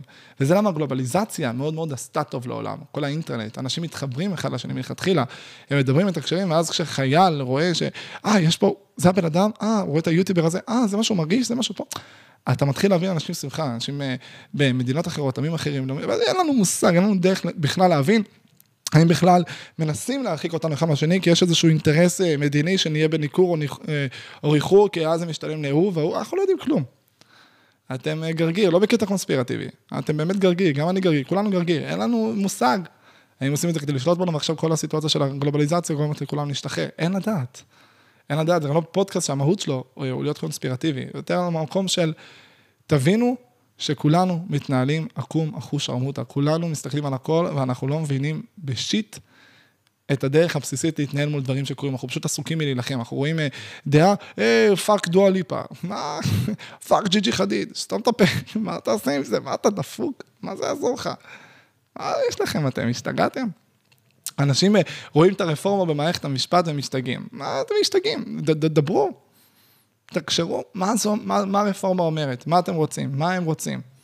תקשיבו, תבינו. אני חושב שכולם טועים בהתנהלות, אני לא, לא, לא ראיתי באמת כמעט בן אדם אחד שאני מרגיש שההתנהלות שלו אה, טובה. גם אנשים שהם אה, מעריכים בטירוף את ההתנהלות שלהם ברמת ה marketing, השיווק, ונניח ביבי, בעיניי, סתם אביא לכם דוגמה, מישהו שהרבה אנשים מעריכים בטירוף את השיווק, עזבו רגע דעה פוליטית או דעה על ביבי באופן אישי, אוקיי? אני חושב שנניח ביבי, אה, מבחינה שיווקית, מעשית, אני לא חושב שהוא מתנהל מדויק או נכון. באמת, ברמה שבא לי, היה לי רצון מאוד מאוד גדול לעשות פרק שקוראים לו בנימין נתניהו, שלא נוגע בשום דעה על אהבה, חוסר אהבה. דעה פוליטית או שום דבר, שפשוט לוקח את הבן אדם הזה ומנתח איך דרך ההתנהלות שלו, אנחנו עושים המון המון המון דברים שהם טעויות בגלל אמונות מגבילות, שאני בטוח שיש לו כמות של אמונות מגבילות שמונעות ממנו להתנהג בצורה שאני מדבר כרגע, על עצמו. על עצמו. אני בטוח, שימו לב למשהו שיפתח לכם את הראש, אני בטוח באלף אחוז, שאם כל הישראלים היו מרגישים בוודאות של 100 אחוז שביבי הוא אידיאולוג, והוא פועל מאידיאולוגיה, כל המציאות בעם הייתה שונה. כל המצ... הבסיס זה שחצי מהעם לא מאמין שהוא אידיאולוג, ועושה את זה מתוך אינטרסים. זאת אומרת, הדרך שלו לנצח או להשיג עוד קולות, זה לא אה, להשיג את הדתיים-לאומיים או את החרדים ואת הפה ואת השם, הדרך שלו קודם כל בבסיס, שאנשים יאמינו לו שהוא אידיאולוג. ואיך יאמינו לו שהוא אידיאולוג, אם הוא כל כך אה, מתעסק ב marketing מסוג שונה. אנחנו, כמו ביבי, וכמו כמדינה, וכמו כל דבר שקורה בעולם, וכמו ימנים מול שמאלנים, אנחנו פשוט נלחמים במקום פשוט לפעול בצורה שהמלחמה לא תקרה. המלחמה לא תקרה. אף אחד לא יבוא לביבי ויחשוב שהוא בא לזיין את המדינה אם חושבים שהוא אידיאולוג. בן אדם שמאמין שהוא אידיאולוג, יפרש, אפשר לקחת את כל המעשים שלו ולפרשן אותו כבן אדם הכי אגואיסט בעולם, אפשר לקחת את כל המעשים שלו ולפרשן אותו כבן אדם הכי אידיאולוג בעולם. לפי מה, איך יודעים מה האמת? מאמינים, האם הוא אידיאולוג, או האם הוא לא אידיאולוג. בודקים. והדבר הזה היה משפיע על חלק נכבד, זה לא סוגר את הפינה לכולם. אבל זה היה גורם להם לפעול אחרת, לחשוב אחרת, להתנהל אחרת. וזה משהו שהרבה אנשים טועים בהתנהלות שלהם. הדרך, לא ציפיתי שאין דרך פוליטיקה מלחמות, אני אסביר לך את הנקודה הזאת, אבל המקום הזה, שכאילו אם מלכתחילה היה דיאלוג, כבר כמו המלך שהיה מרגיש שאין לו טעם פשוט ללכת לשום משבצת אחרת, כי הוא כבר היה מפסיד, אותו עיקרון פה, הייתם מרגישים מלכתחילה, מלכתחילה, שאין שום טעם להפנות לבן אדם הזה שום צד שלילי או דעה שלילית, לא הייתי חושב שהרפורמה זה בשביל המשפט שלו, ולא הייתי חושב בכלל ש, ש, שזה היה קורה פה, או זה היה קורה פה, אם הייתי מאמין שהוא אידיאולוג. זה מה שבן אדם שמפגין כרגע מול הבית שלו היה חושב. וזה לגבי הכל. זה לגבי הכל, אנחנו מפסידים את הנקודה הזאת בחיים שלנו בכל כך הרבה אלמנטים, כל כך הרבה רבדים. בשנייה שנלמד להבין שבמקום להילחם את המלחמות כמו mother fuckers ולהילחם ולהילחם ולהילחם, נהיה עסוקים שנייה, שנייה, בליצור אינטרס למלחמה לא להגיע. להבין את השורש של המלחמה, על מה היא יושבת. למה היא קרתה מלכתחילה? הרי הדבר הכי חשוב בחיים זה רגשות חיוביים, אין מה לעשות, לא משנה מה תגידו, לא תגידו, בסוף זה רגש חיובי. אם בן אדם עכשיו אומר לי, המטרה זה להשתפר בתורה, ברוחניות. ובן אדם אחר יגיד, אני, המטרה שלי זה החווה שלי, יש לי חווה, אני רוצה להשקיע. אחד יגיד, זה הקריירה שלי, האחרון יגיד, שומע, זה משפחה, מה אתה דפוק? אני בסוף אשאל את כולם שתיים, שלוש שאלות, והם בסוף יבינו, כי זה עושה לי רגשות חיוביים, כי זה גורם לי לאושר, כי זה גורם לי להרגיש נחת, כל מה שקשור לרגשות חיוביים. זה המטרה. ואם בסוף מלחמה זה אנטיתזה מבחינתי של רגשות חיוביים, כן? מביא לנו חמש נקודות של אושר, של סיפוק, משמעותיות, אגו, או מאה, לעומת עשרת אלפים של אה, רגשות שליליים, שיכלו להתהפך לעשרת אלפים רגשות חיוביים, וחרם. אז להסתכל על מלחמות שאנחנו עושים בחיים שלנו ביום יום, בכל מיני אלמנטים, ולבדוק איך אנחנו נמנעים מהן. וואי, אדיר, איזה אזורים הלכנו בפרק, אה? יפה. לא ציפיתם לזה פרק על שחמט, מצחיק. איי, איי, איי, אני חשבתי, אמרתי לעצמי, אני אעביר את הנקודה הזאת, ואז מקסימום אני אעביר עוד איזושהי נקודה על שחמט או פה או שם, היה לי איזו נקודה מעניינת, חשובה, אבל נראה לי אם כבר, כמה זמן עבר? 45 דקות?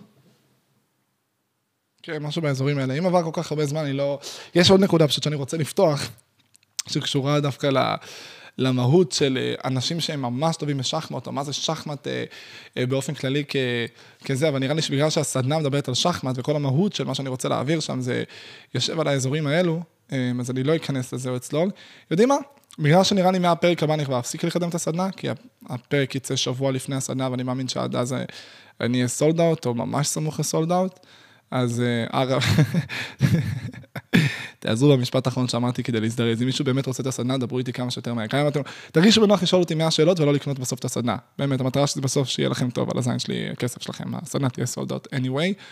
אז בגלל שבפרק הבא אני גם ככה לא אצלול זה נושא שקשור לסדנה, אולי דווקא אני אקח את הרבע שעה האחרונה, כדי להעביר איזשהו משהו ככה כללי לכולם, שייתן לכם את היכולת להתמודד עם רגשות שליליים, איזשהו משהו. איך להיעזר בפרק הזה. אז ככה, קודם כל, אני, אני אתן, יודעים מה, אני אספר קצת על עצמי. דרך הרבע שעה שאני אספר על עצמי ועל אה, שאלות שמפנים אליו ואיך אני חווה את זה, זה דווקא ייתן לכם אולי איזושהי זווית. ואז, אה, כן, כן, למה לא? הכל, הכל פה כל כך פרי סטייל, באמת, אין לכם מושג את רמת הפרי סטייל, ברמה שפשוט אמרתי, טוב, אני אקרא פרק שחמט, כי הסדנה קוראים שחמט, אני מבין את הנקודה הזאת שאיך שאני אזרום עם זה. זה הפרק. כל מה שאתם שומעים פה, כולל הכל, זה פשוט אלתור מוחלט גמור. אני, אני, אני שוכח עד כמה זה ביזארי בכל כך הרבה רמות. אתם יודעים שעוד כמה שבועות אני עובר דירה? מה התאריך עכשיו בשבילכם? בשבילכם זה יהיה... כמה? יום שלישי, פחות, אבל שזה יהיה השביעי בפברואר בשבילכם. עוד חודש אני עובר דירה בשבילכם. אני פשוט יומיים לפני. אה, כולה חמישי אצלי. כן, אני עובר דירה, ואני עובר דירה עם, אה, עם רוי, השף, מי שמכיר אותו מה, מהאינסטגרם וזה, וליה, מי שמכיר, שעוקב אחריי, והכל יהיה אחרת, כאילו, לא, לא יהיה, מי שביוטיוב, לא יהיה את הרקע הזה. אני לא יודע אפילו עדיין איך אני אצלם את הפודקאסט, איפה אני אעשה, איך אני אעשה, כי עדיין לא מצאנו דירה, אנחנו בחיפושים. אבל זה יהיה שונה. אני גם, יש לי תכנונים, וואי, בואו אני אספר לכם קצת על תכנונים, אגב, מי שמעניין. יש לי תכנון uh, לפודקאסט אירוחים, שאני הולך לעשות, שהוא הולך להיות משהו שלא היה כמוהו בארץ, ואני מאמין בעולם, מבחינת הסגנון, זה סגנון ממש ממש ממש ממש שונה. אה, פודקאסט אירוחים יהיה, הפודקאסט הזה ייראה אחרת, יהיה, כאילו ה vibe יישאר אותו vibe. בעיקר, התוכן והדברים שאני אעשה, וואי, נכנס ל, לתקופה משוגעת. דברים הולכים להשתנות עוד כמה שבועות עם המעבר דירה. מי שזוכר, מי שהאזין ממש לפרקים הראשונים של הפודקאסט, זוכר שבפרק הראשון, איפשהו שם ב, ביוני, נראה לי, זה היה ממש מזמן, אה, סיפרתי שעברתי לדירה של, של אמא שלי במרץ, כן, במרץ באתי? כן, משהו באזור המרץ. אמרתי, באתי ואמרתי לה שאני בא לחצי שנה, שנה, כדי לעשות uh, תוכן, עד שאני מגיע למצב, אגב, תשמעו משהו ממש מגניב, זה מצחיק לי לשתף את זה, אבל... אמרתי לה, אני בא אלייך לפה לשנה, כי אני צריך שנה בלי לחשוב על כסף, בלי לחשוב על כלום, ולהתעסק אח, אח, אח, אח, אח ורק וליצור תוכן, שהמטרה שלי זה פשוט להעביר את הגישה שלי הלאה לכמה שיותר אנשים, להשתמש בחשיפה, לעשות אנשים מאושרים, לעזור להם לקדם את זה, לפתח את זה, ולעשות uh, הופעות, סדנאות uh, וייעוצים ולהתפרנס מזה, תוך כדי שפשוט יכול להמשיך לעשות את התוכן. בינתיים אני צריך שקט כלכלי. Uh, ואמרתי לה את זה, והיא אמרה, טוב, ואז, ובשנה האחרונה אני גר פה. שאני חושב שזה, בכללי, אסון לאנשים, אל תחזרו להורים, כאילו בדיעבד, אלא אם כן יש לכם אסטרטגיה מאוד ברורה, כמו שאני עשיתי. אבל uh, עשיתי את זה, פעלתי בצורה כאילו פשוט ממוקדת, קצבתי לעצמי עד שנה, וזה באמת יוצא בול שנה. Uh, ואני אלמד אתכם על איזשהו חוק מסוים שדיברתי עליו בפרק של שון, אני רוצה שנייה להרחיב עליו, חוק הפרקינסון הוא נקרא. אני הצבתי לאמא שלי, אמרתי לה, חצי שנה, שנה, משהו באזורים האלו. אני חשבתי יותר חצי שנה, אבל היה לי בראש ששנה זה גם אופציה. ותראו איזשהו קסם, איזה קסם קרה. בסוף, בפברואר, אני הולך להתפרנס בצורה, אוקיי, ממש חודש לפני המעבר דירה, שזה בדיוק מה שאני צריך כדי לעבור דירה. אני הולך להתפרנס ברמה של, כאילו, תספ... תספק אותי. כי בשנה האחרונה התפרנסתי בצורה, ברמה שאפשר להגיד, לא התפרנסתי, התעסקתי רק ב... נתתי לאמא שלי יד בחנות, והתעסקתי 100% מהזמן בלהעביר את התוכן. אני אלמד אתכם משהו סתם מהגישה. אם יש, הרבה אנשים כאילו מרגישים בנוח לעשות תואר 3-4 שנים, קחו מזה שיעור לחיים, כן? אה, אולי אני אעשה באמת פינה שאני מדבר על החיים שלי, לא, לא, לא. כן? ואז ככה אתם תיקחו מזה דברים, דווקא מעניין. אם בן אדם אוקיי? חושב שזה לגיטימי שלוש-ארבע שנים לעשות תואר, ולא רק שלא לעבוד, אלא לשלם עליו תואר, ולהגיע למצב שהוא משקיע את רוב הזמן שלו בתואר, וזה נראה לו קיצוני, נניח לעצור שנה את החיים כדי להתאבד על קריירה, אז שיעשה רגע שנייה מתמטיקה בראש.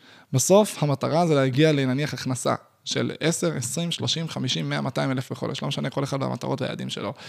בסוף, זה, אין עניין בלהרוויח אפילו שקל אחד בחודש, או 100 שקל בחודש, אם יש לך דרך לא להרוויח את השקל הזה, אם אתה יכול באותו חודש לעשות משהו שייצור תשתית הרבה הרבה הרבה הרבה יותר טובה וחזקה. זאת אומרת, אם בן אדם עכשיו אומר לי, יש לי את היכולת לעשות תואר במדעי המחשב שלוש שנים, ובסופו להיכנס לח... לעבודה בגוגל ולהרוויח 40 אה, אלף, סטייל, כי בשלוש שנים האלה מה שעשיתי זה גם לעשות פרויקטים צדדיים וכאלה ושת"פים ולפתח קשרים וכאלה, ולא היה לי זמן לנשום ולעבוד, או בן אדם יגיד לי, שומע, במהלך השלוש שנים, הצלחתי להרוויח 3-4 אלף תוך כדי במשרד סטודנט כל חודש. אז בשלוש שנים האלה, אחד הרוויח 80 אלף שקל בקריאה תחת ושהוא לא נשם, השני, שלוש שנים מתעסק רק במה שהוא אוהב ורק במקצוע שלו, וישר הרוויח 40 אלף לעומת ה-17-20 שהראשון הרוויח. זאת אומרת, תוך ארבעה חודשים הוא מצמצם ומכפיל את הפער. סליחה על המתמטיקה המהירה, אני בטוח שחלקכם איבדתם אותי, אבל המהות זה שאל תפחדו לעצור לחצי שנה, שנה, כשאתם בונים תשתית. זאת אומרת, לא לעצור את, ה, את האינרציה, אלא לעצור את העניין של ההכנסה, כי ההכנסה זה פשוט תוצאה של סיטואציה. זאת אומרת, אני עצרתי את כל העניין של ההכנסה כדי ליצור הכנסה ממה שעושה אותי מאושר. מה שעושה אותי מאושר זה לעשות אנשים מאושרים, זה להביא את הגישה, את הדברים, את החוויות, החלומות. אל תפחדו לעשות את העצירה הזאת. הנה, אני עשיתי את העצירה ואני מדבר איתכם על חוק הפרקינסון. חוק הפרקינסון אומר בקצרה, שאם אתה קובע שמשהו יקרה תוך אה, חודשיים, הוא יקרה תוך חודשיים, אתה קובע שמשהו יקרה תוך שבוע, איך השבוע, ואם תוך יום, אז הוא יקרה תוך יום. לא משנה, עזבו רגע את האיכות. אם עכשיו אה, אומרים לכם, יש לכם עבודה להגיש תוך חודשיים, זה ייקח לכם חודשיים, יש מצב שתתחילו רק אחרי חודש וחצי לכתוב אותה. או שתמרחו, או שתדייקו עוד יותר את העבודה, זה לא משנה מה. לפעמים לא, לא, עדיף לא לעשות חוק הפרקינסון בצורה קיצונית מדי, כי אז הדבר הזה אה, יפגע באיכות. אבל אני קצת לעצמי יד, אני אמרתי שגג, גג, גג, גג, גג, תוך שנה. אני אמרתי שבינואר אני רוצה כבר לעבור, גג מרץ. זה היה הראש שלי. וברגע שזה הראש וה, והחוויה, אז המוח שלך מתוכנת לחשוב בצורה שהוא גוזר. הוא אומר, כך, ככה גם מטרות עובדות. אתה אומר לעצמך, אני רוצה להגיע למצב שאני מרוויח נניח מינימום 10, 15, 20 בחודש, כל אחד במטרות שלו, בחודש X, מה שייתן לי לעבור לגור לבד ולהיות בראש שקט ולשים כסף בצד, להשקיע, הדברים מעניינים האלה כרגע. אמ, ואז פשוט הוא גוזר פעולות, אומר, אוקיי, בשביל זה אני צריך קהל, בשביל זה אני צריך להעביר את הגישה, בשביל זה אני צריך להעמיק את הקשר, בשביל זה אני צריך סדנה, בשביל זה אני צריך לכתוב את זה. פתאום אתה כותב את הכל, הכל ברור, הכל נמצא לך מול העיניים, ואז אתה עושה את הדברים האלה. וזה הדרך לגבי כל דבר. באותה מידה אחת תשים לעצמי מטרה שעוד שנה אני מתפרנס ממשחק, עוד שנה אני מתפרנס ממוזיקה, עוד שנה אני מתפרנס מכל דבר כזה או אחר. אני שמתי לעצמי מטרה שהיא פשוט קצת קיצונית, מהמקום של, אני רוצה עוד שנה להתפרנס ספציפית, ספציפית, ספציפית, להעביר את הפרספקטיבה שלי והגישה שלי הלאה.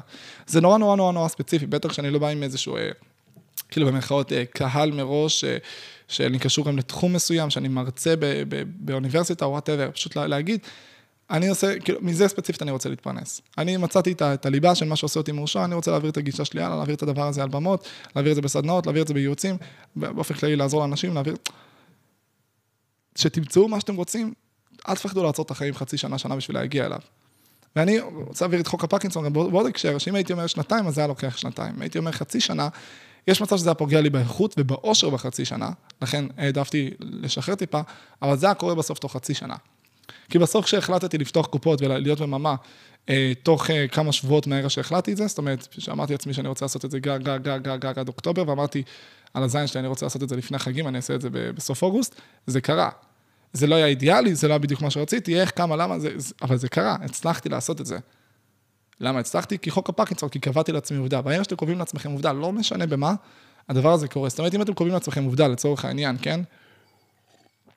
אני עכשיו באופן חד משמעי הולך להגיע למצב שאין שום תרחיש, אין סיכוי שאני לא יוצא מהמצב אחר שאני נמצא בו. אה, דיכאון, חרדות, אה, סטרס אה, תמידי שנמצא לי, בעיות זעם, וואי, זה קלאסי, בעיות זעם, מצבים, כעס, בכללי חרא לי בחיים דברים לא מדויקים, ברגע שאתם קובעים לעצמכם. חלאס, אני תוך חודש, חודשיים, אני מחפש כל דרך אפשרית לצאת מהדבר הזה, אז אתם תמצאו לשם את הפתרונות, אתם תמצאו את הדרך, אתם תעשו מה שנדרש, אתם תרוצו על זה, אתם תחפשו את זה. ברגע שבן אדם אומר לעצמו, אה, כן, אני אצא מזה מתישהו, בלי להקציב, בלי לדבר, בלי לחפש, הוא, הוא יהיה אדיש להצעות שמגיעות בדרך, אוקיי? לכן, כשיש לכם משהו שאתם רוצים להגיע אליו בחיים, לא משנה מה, לא משנה מה, לא משנה מה הדרך, לא משנה איפה, כמה, למה, פשוט קודם כל תקציבו. וזה למה יש כמות קיצונית של, אני בטוח, של אלפי אנשים שראו את הסרטון שלי ואת זה שאני אומר שאני אעזור לאנשים וכאלה, שבתכלס הם צריכים עזרה, סומכים עליי, והם רוצים להתייעץ איתי, והם לא שלחו לי הודעה בגלל דבר אחד ספציפי. חוסר האמונה לגבי זה שזה רלוונטי לכרגע. חוסר האמונה שהבעיה שלי תיפטר תוך חודשיים שלושה. חוסר הרצון האמיתי העמוק שזה ייפטר תוך חודשיים שלושה. זאת אומרת שאני, נניח אם הייתי מקציב לעצמי, אה, אם הייתי רואה הזדמנות לעשות סדנה חודשיים שלושה אחרי שעברתי לבית של אמא שלי, יש מצב שתאורטית, תאורטית, הייתי אומר, לא, אני לא מוכן, אני לא פה הייתי לספר לעצמי סיפורים. בתת מודע, לא משנה כמה בן אדם שאני חי וזה וחושב וממלך את הפודקאסט, אני עדיין בן אדם. וחוק הפרקינסון עובד על כולם. ואם אני אומר בסופו של דבר אה, שייקח לי שנה להתפרנס, אז אם יש מצב שאם הייתי רואה הזדמנות עסקית אה, ארבעה חודשים, חצי שנה אחרי, שהיא מדויקת לי, יש מצב שהייתי אומר, לא דחוף, ומתמקד ב- בלעשות תוכן.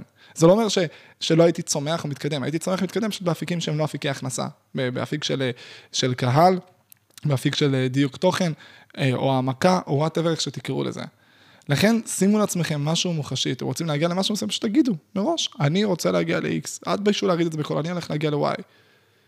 כמו שאני שמתי לעצמי, את הדבר הכי פשוט בעולם, אני הולך להתפרנס מה שעושה אותי מאושר תוך שנה, ועד המוות אני הולך להתפרנס מזה. נקודה. זהו, נקודה.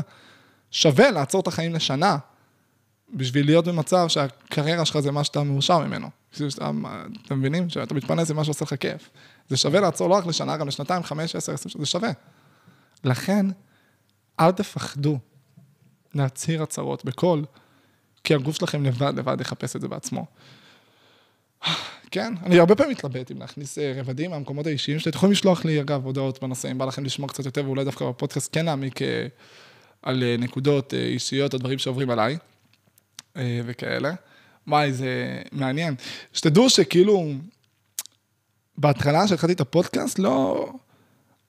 ידעתי שיש לי גישה להעביר, תדמיינו את הרגש הקיצוני שבן אדם מרגיש, אוקיי? לפני שנתיים בדיוק הרגשתי את הרגש של fuck, אם אני מת מחר, אני לא יכול להעביר שום דבר מהגישה שלי, ואז פשוט כל יום לכתוב מאמר, 100 ימים ברצף. יש לי 100 מאמרים כתובים, 30 מהם שמתי באתר שלי, סבבה? ברמה הזאת, זה קיצוני, אוקיי? קיצוני. זה לכתוב שלושה ספרים מבחינת uh, תוכן ב-100 יום.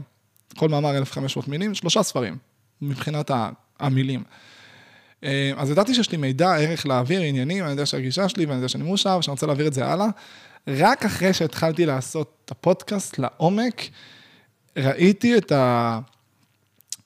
ראיתי כמה אני יכול להעביר את זה גם בפודקאסט. זאת אומרת, אוקיי, בסדנה, סבבה, אני יכול להעביר, לגרום לבן אדם באמת להשתנות וכאילו לרוץ על הדברים האלה, אבל הפודקאסט, כאילו, לא הבנתי לעומק את הערך שלכם כשאתם פשוט יושבים ומאזינים לי במשך אה, שעה או חצי שעה, למי שיש ביצים לשים אותי על כפול שתיים, כן? ומה שזה עושה לכם לחיים, כאילו אני מקבל, קיבלתי, אני לא מגזים, אני חושב למעלה מ-50 הודעות ספציפית על הפודקאסט. וזה לא שיש עשרת אלפים מאזינים לפודקאסט, יש, יש אפילו באזור האלף, אלף וקצת, אה, שהם יחסית קבועים. והכמות אנשים שזה שינה להם את החיים, משפיע, או אלה שגם שלחו לי הודעה, לא שלחו, מטורפת, מפתיע, כי אני אומר לעצמי, אם זה מה שקורה להם בחיים כשהם מאזינים לפודקאסט, מה קורה כש... לא יודע, כש... אם, אם הם ישלחו לי הודעה ואני יכול לייעץ, או כשאני אוציא ספר, או כשאני אעשה עכשיו סדנה או הופעה, מה עוד אפשר לעשות לחיים של האנשים, כאילו זה מטורף, כי מה שאני מעביר פה, וסליחה לכל מי ששומע על הפודקאסט באדיקות, באמת זה קרקע פיפי, כאילו בסוף אני פשוט פותח את, הטלפון, את המיקרופון, אני מדבר, אני לא מכין כלום, אני לא מדייק איזשהו תהליך, אני לא חושב על אה, התנגדויות שעשויות להיות לכם לכל מיני דברים, ואני אומר איך אני משחרר לכם אותה, זה קורה תוך כדי תנועה, אני עדיין עושה את זה, כן, כי בסופו של דבר זה דברים שאני טוב בהם, אבל בסוף, בסוף, בינינו, שורה תחתונה, בתכלס, והכי כנות בעולם, בצורה הכי בזויה, בסוף הפודקאסט הזה, עם כל האהבה שלי אליו, ועם כל זה שהוא משנה לאנשים את החיים, את הפרספקטיבה, את בלה בלה, זה כלום, כאילו מה, אני פותח את המיקרופון, עושה פה פרי סטייל. וכשאני מקבל מכם הודעות, זה גורם להיות מאושר, זה משמח, זה אומר, בואנה, אם זה מה שקורה כשאני פותח את המיקרופון ועושה שעה, מה קורה כשאני יושב וכותב ומכין משהו? ואז אני רואה כשכל המאות אנשים שלחו לי הודעה, שולחים לי הודעה, בום, פותר, פותר, פותר, פותר, פותר. זה קל לי, זה קל לי לא כי אני גאון, ולא כי כל בן דבר שתרצו לייחס אליי, זה קל לי כי פשוט פיתחתי עצמי שיטה, גישה, whatever שכל אחד יכול לחיות אותה. כל אחד. כל אחד, ויש סיבה שאני מצליח לשכפל את זה לסביבה הקרובה שלי, שבאמת, אני אומר, סומכים עליך, והם פשוט חיים ככה. הם פשוט חיים ככה, ואם הסביבה הקרובה שלי לא מרגישה רגשות שליליים, או שנניח הם באים אליהם לאיזה עשר שניות, דקה, שעה, והם פשוט משחררים אותם בקלות, אין, אין שום סיבה שבעולם שאני לא אעביר את זה לכל מי שמאזין לפודקאסט ולכל העוקבים והקהל ולכל הארץ או העולם באופן כללי. אני רוצה לעשות אנשים מאושרים, זו המטרה. זה הסיבה שאני קם בבוקר, אני רוצה שיהיה לכם טוב. אני רוצה שיהיה לכם טוב. אני, אני אתקיים מזה גם, מן הסתם כלכלית, כי עדיף, אבל... כל מי שיש לו קושי מבחינה כלכלית או דברים שעוברים עליו, קחו את הפודקאסט הזה, תאזינו לו מההתחלה עד הסוף, קראו את כל המאמרים שלי, תעברו על כל הסרטונים שלי, יש לכם בעיה ספציפית נקודתית, תשלחו לי הודעה, אני גם אעזור לכם בחינם באהבה, תשלחו לי הודעות באינסטגרם, תרגישו בנוח תמיד, תמיד, תמיד לפנות אליי, אני שיא רציני, בשביל זה אני פה, זה הקטע של כל ההוויה שלי, אני באמת, באמת, באמת רוצה לעזור לכם.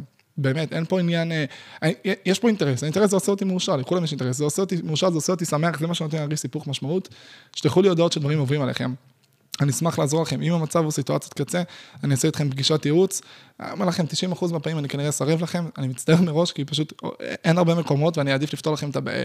כי רוב הבעיות אפשר לשלוח איזה פרק בפודקאסט או לענות לכם בכמה משפטים, וחבל שנבזבז את ההרצאה הזאת למישהו שבאמת צריך את זה, חבל.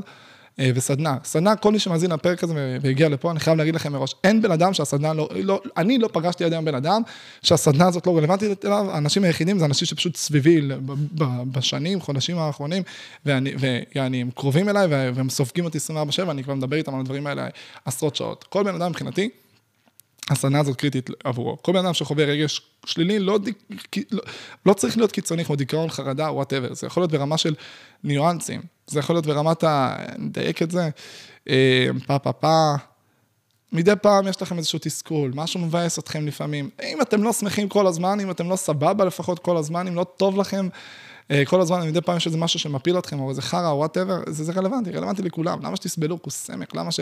שיהיה לכם חרא? אנשים משקיעים כל כך הרבה זמן ואנרגיה וכסף ודברים שנותנים להם קצת רגשות חיוביים. אני רוצה לפתור לכם את האושר. אני רוצה לגרום לכם להגיע למצב שבבסיס, קודם כל בואו בוא ניישר קו לגבי השמחה שלכם. אני מבטיח לכם, יהיו עוד סדנאות. אני יודע שהסדנה הזאת תתמלא יחסית מהר, ו... ויהיו סולדות, ואנשים בטח מאזינים לפרק הזה, שישלחו לי הודעה ואני אגיד להם שכנראה ההקצאות נגמרו, אבל אני מבטיח לכם, יהיו עוד סדנאות, אל תדאגו, סבבה? יהיו עוד סדנאות בסוגים אחרים שגם יעבירו לכם עוד דברים שאתם גם צריכים, וגם עוד רבעון הבא, שוב פעם אני אעשה את הסדנה הזאת, כל רבעון אני אעשה את הסדנה, אני אפרט לכם לעומק בהמשך שתהיה עוד סדנה, איך בערך הכל פחות או יותר יעבוד. אני באמת רוצה שיהיה לכם טוב. אל תרגישו שזה שפתחתי עכשיו סדנה אומר אה, שעכשיו אני לוקח כסף על דברים, על הכל, לא, לא, לא, שימו בצד, זה הפרנסה שלי, אני מתפרנס, חי מזה, הכל טוב, שמחה גדולה. מעבר לפרנסה שלי, מעבר למה שנותן לי לחיות ולהתקיים, אני רוצה לעזור לכולכם. בסופו של דבר, את הסדנה אני עושה במשך יום. אוקיי? אני מכין אותה תקופה, אני עוזר לאנשים תקופה, אני מלווה אותם, אני עוזר, אני משווק אותה, יש לי סרטונים, תוכן, אבל יש לי עוד המון המון המון זמן בין לבין. דברו איתי, אני אשמח לעזור לכולכם תמיד, תמיד, תמיד. אמ, אז תשלחו לי הודעה, I am רפאל באינסטגרם, הקישור לסדנה נמצא בפודקאסט למטה.